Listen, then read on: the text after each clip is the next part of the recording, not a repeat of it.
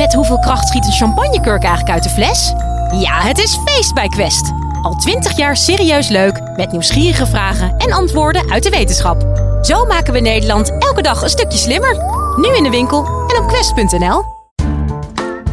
Hey, hallo en welkom bij de Universiteit van Nederland, de meest wetenschappelijke podcast van het land. Ik ben Sofie Frankemolen en ik heb een weetje voor je. Wist je dat de vruchtbaarheid van mannen afneemt de laatste jaren? Hoe kan dat? In deze aflevering vertelt uroloog Marij Dinkelman-Smit van het Erasmus MC wat er allemaal mis kan zijn met je zaad en hoe jouw eigen gedrag van afgelopen weekend je sperma van over drie maanden beïnvloedt. Dit is de Universiteit van Nederland. We weten allemaal wat er voor nodig is om kinderen te krijgen: een eicel en een zaadcel. En over die laatste gaan we het in dit college eens goed hebben: sperma en zaadcellen. Onder normale omstandigheden produceert een man miljoenen zaadcellen per dag. Je zou denken, daar zit toch altijd wel een goede zaadcel tussen die bij de eicel kan komen om die te bevruchten. Maar toch is er iets opmerkelijks aan de hand. De spermakwaliteit van mannen neemt sinds de jaren 70 af. 50 jaar geleden was de gemiddelde zaadcelconcentratie 90 miljoen per milliliter. En in 2010 was dat gezakt naar gemiddeld 70 miljoen zaadcellen per milliliter. Het zou kunnen dat het bevruchtend vermogen van de man, zoals we dat in de wetenschap noemen, steeds lager wordt. Met andere woorden, mannen van nu zijn mogelijk minder goed in staat om een vrouw zwanger te maken in vergelijking tot mannen die dat 50 jaar geleden probeerden. Hoe kan dat? Om hier meer van te begrijpen wil ik jullie in dit college uitleggen wat er nodig is voor een goede zaadcelproductie. Een vruchtbaarheidsonderzoek van een man begint vaak met een spermatest. Je vangt je zaadlozing op in een potje en je geeft dat af bij een huisarts of ziekenhuislaboratorium. Jouw zaadmonster wordt vervolgens bekeken onder een microscoop om te onderzoeken hoeveel zaadcellen er in je spermavocht zitten, hoe die zaadcellen zwemmen en hoe ze eruit zien. We zien hier een voorbeeldje van perfect sperma. Veel zaadcellen die er normaal uitzien en hun staart als een propeller gebruiken om razendsnel vooruit te zwemmen. In de race om de eerste te zijn die de eicel bereikt. Maar hier zien we een heel ander beeld. Veel minder zaadcellen die nauwelijks bewegen. En ook zie ik allerlei afwijkingen aan de zaadcellen. Bijvoorbeeld een kleine afwijkende kop, een zaadcel met een dubbele staart, een geknikte staart en een afwijkende nek. Dus de uitslag van een spermatest kan afwijkend zijn. Het kan zelfs zo erg zijn dat er helemaal geen zaadcellen te zien zijn. Dan heb je wel net je spermavocht opgevangen en ingeleverd, maar het enige wat je eigenlijk ziet is vocht waar de zaadcellen in getransporteerd worden. Dit komt gelukkig maar bij weinig mannen voor, ongeveer 1%. Maar met het blote oog kan je niet zien aan de kleur of de hoeveelheid spermavocht hoe de kwaliteit van de zaadcellen is en of er wel zaadcellen in zitten. Er kunnen verschillende oorzaken zijn voor een afwijkende spermatest en dus een verminderde vruchtbaarheid van de man. Om uit te zoeken wat hier aan de hand is, heb je meer nodig dan alleen een potje zaad.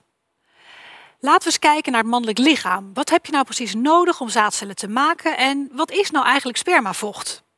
Ik heb hier een model staan van het mannelijk urogenitaal stelsel. Je herkent het vast wel aan de penis en de ballen. En hoewel die ballen er maar een beetje bij hangen, zijn die enorm belangrijk. Dit is namelijk dé plek waar het gebeurt. Hier worden zaadcellen gemaakt. De zaadcelproductie in de bal duurt ongeveer 60 tot 70 dagen. En het hele proces staat onder invloed van testosteron, het mannelijk hormoon, dat ook in de ballen wordt gemaakt. Als de zaadcellen na 60 tot 70 dagen bijna klaar zijn voor transport, worden ze door afvoerende buisjes in de zaadbal naar de bijbal getransporteerd. En bij het passeren van de bijbal krijgen ze als het ware hun zwemdiploma. Dit proces duurt nog eens 10 tot 20 dagen. Bij een zaadlozing komen de zaadcellen uit de staart van de bijbal gaan via de zaadleiders langs de prostaat en de zaadblaasjes waar het vocht gemaakt wordt, zodat het geheel vermengd als spermavocht met zaadcellen naar buiten komt. Een verstopping in het systeem kan ervoor zorgen dat je last krijgt van een afwijkende spermatest. Maar waar het nog vaker misgaat is bij de aanmaak of uitrijping van zaadcellen. En dat gebeurt dus voornamelijk in de zaadbal. Laten we nog eens teruggaan naar wat er nou precies in die zaadbal gebeurt. In de bal vindt de zaadcelproductie plaats in buisjes. En de bal bestaat eigenlijk voor 90% uit zulke buisjes. Waarin onder normale omstandigheden per dag miljoenen zaadcellen gemaakt worden. Tussen de buisjes liggen cellen die testosteron maken. In de buisjes vindt een heel ingenieus proces van celdelingen plaats. Het begint met een stamcel, een relatief grote ronde lichaamcel met een normale hoeveelheid DNA. Die deelt zich een aantal keer en transformeert zich tot een hele kleine compacte zaadcel met de helft van het DNA. En die kleine compacte zaadcel moet dat pakketje DNA zonder beschadigingen afleveren in de eicel, waar het samen met de helft van het DNA van een vrouw voor het ontstaan van nieuw leven kan zorgen. De perfecte zaadcel heeft de helft van het DNA van een man, netjes en strak verpakt opgeborgen in zijn kop, zodat het niet beschadigd kan worden als het het lichaam van de man passeert en als de zaadcel de oversteek maakt van het ene lichaam naar het andere lichaam. In de nek van de zaadcel zit een energiemotortje. De staart kan de cel laten voortbewegen. En op de kop van de zaadcel zit een kapje, dat noemen we het acrosoom, waarmee de zaadcel aan de eicel kan binden en kan zorgen dat de andere zaadcellen in de buurt niet meer in de eicel kunnen komen. Bij het proces van zaadcelproductie kunnen verschillende problemen ontstaan. De zaadballen kunnen bijvoorbeeld niet goed zijn aangelegd, waardoor er veel minder buisjes zijn of de buisjes leeg zijn. Als je als embryo ongeveer 4 tot 8 weken oud bent en je nog bij je moeder in de buik zit, worden je zaadballen onder je nieren achter in je rug aangelegd. En als je ongeveer 12 weken oud bent, beginnen die ballen verder te ontwikkelen en af te dalen om door je lieskanaal naar je balzak te komen. Ongeveer 1% van de jongens in Nederland wordt geboren met ballen die niet netjes in de balzak zitten, maar als het ware zijn blijven steken in de buik of in de lies. Het komt ook voor dat ballen na de geboorte wel in de balzak zaten, maar zijn teruggeschoten. Al deze ballen zijn in basis niet goed aangelegd en lopen het risico op minder goede zaadcelproductie op volwassen leeftijd. Ook als je als kind geopereerd bent en de ballen in de balzak zijn vastgezet. We weten ook dat niet ingedaalde ballen en kleine ballen een risico geven op mindere zaadkwaliteit op volwassen leeftijd, maar ook dat beide een risico geven op het ontwikkelen van zaadbalkanker.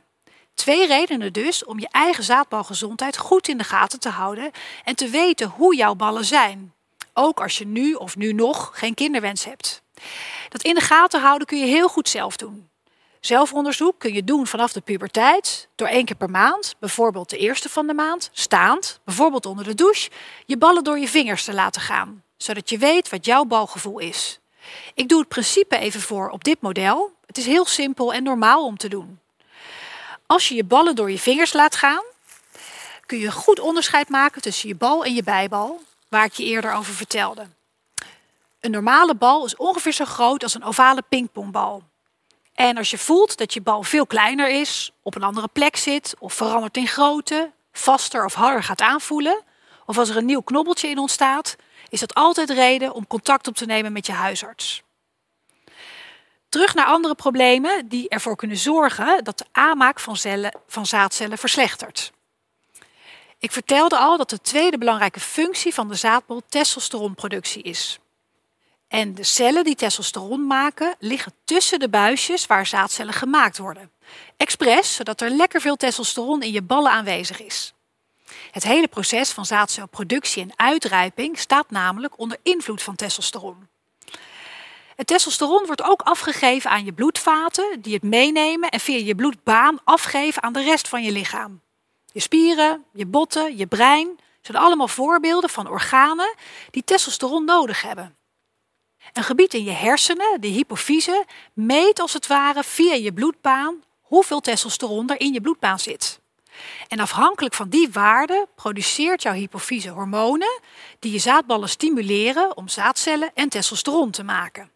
En deze hormonen, FSH en LH, worden via je bloedbaan weer bij je zaadballen afgegeven.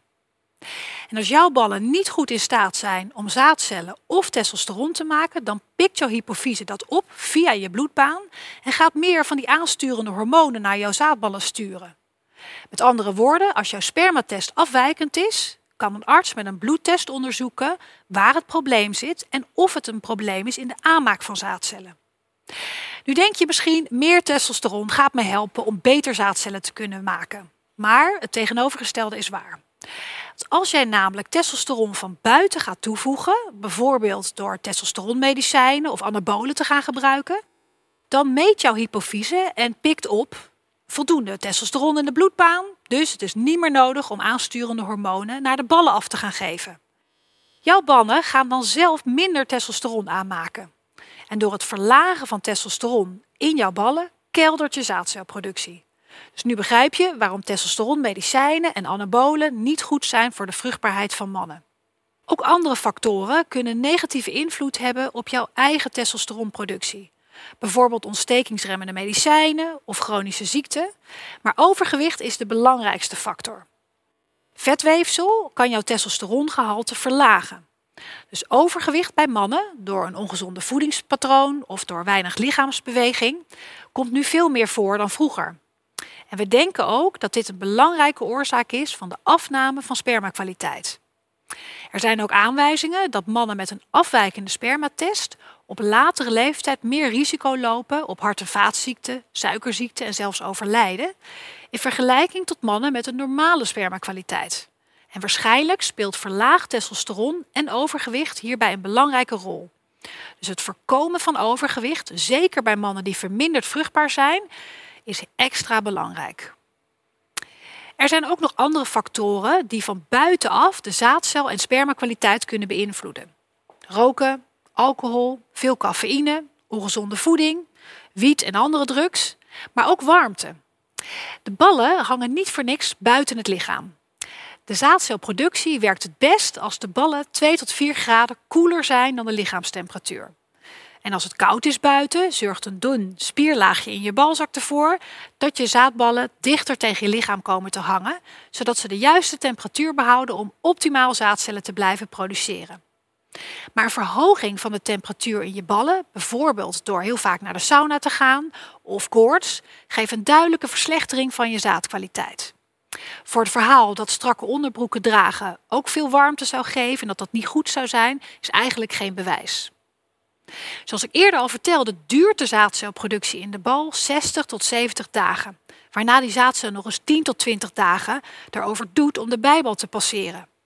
Dus als jij een kleine drie maanden geleden een wild weekend had, of flinke koorts had, of medicijnen gebruikte, waarvan bekend is dat het je zaadcelkwaliteit beïnvloedt, dan zie je dat terug in de zaadcellen die vandaag in je zaadlozing zitten. Goed om te weten. We weten ook dat omgevingsfactoren uit het milieu een direct effect op de zaadcelkwaliteit kunnen hebben. Denk hierbij aan pesticiden. Maar hormoonverstorende stoffen in onze omgeving kunnen ook een rol spelen in de zaadbalontwikkeling. Hormoonverstorende stoffen kunnen in water zitten, in de hele voedselketen, in de lucht. Bijvoorbeeld in plastic zitten weekmakers en in computers zitten vlamvertragers.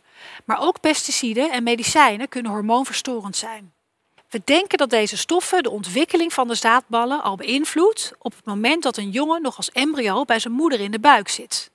En de verslechtering van zaadcelconcentratie bij volwassen mannen in de afgelopen 50 jaar, waar ik het in het begin van dit college over had, worden in verband gebracht met hormoonverstorende stoffen uit ons milieu.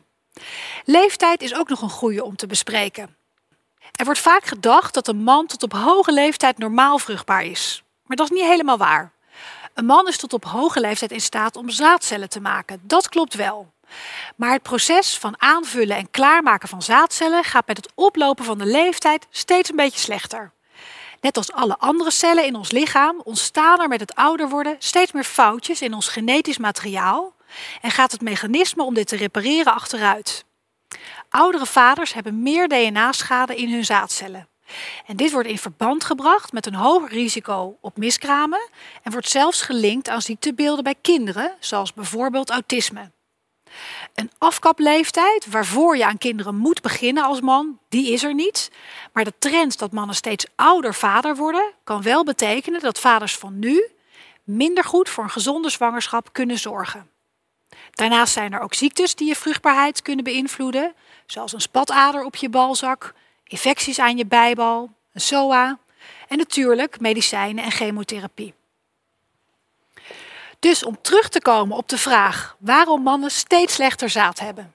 Het precieze antwoord hierop weten we niet, maar dat we onszelf steeds meer blootstellen aan een ongezonde leefstijl en hormoonverstorende stoffen in onze omgeving kan verklaren waarom slechte spermakwaliteit steeds meer voorkomt. Je kunt zelf op gezonde voeding en voldoende lichaamsbeweging letten, geen anabolen gebruiken en regelmatig zelfonderzoek van je ballen doen. En weet, jouw gedrag en medicijngebruik van vandaag kan jouw zaadcelkwaliteit de komende drie maanden beïnvloeden. Dat was Marij Winkelman-Smit. En vond je het nou een interessant college? Laat het ons vooral weten via onze Vriend van de Show pagina. Want daar kun je comments achterlaten, vragen insturen en ja, nog zoveel meer. Dus check die pagina via de link in onze beschrijving. Tot de volgende.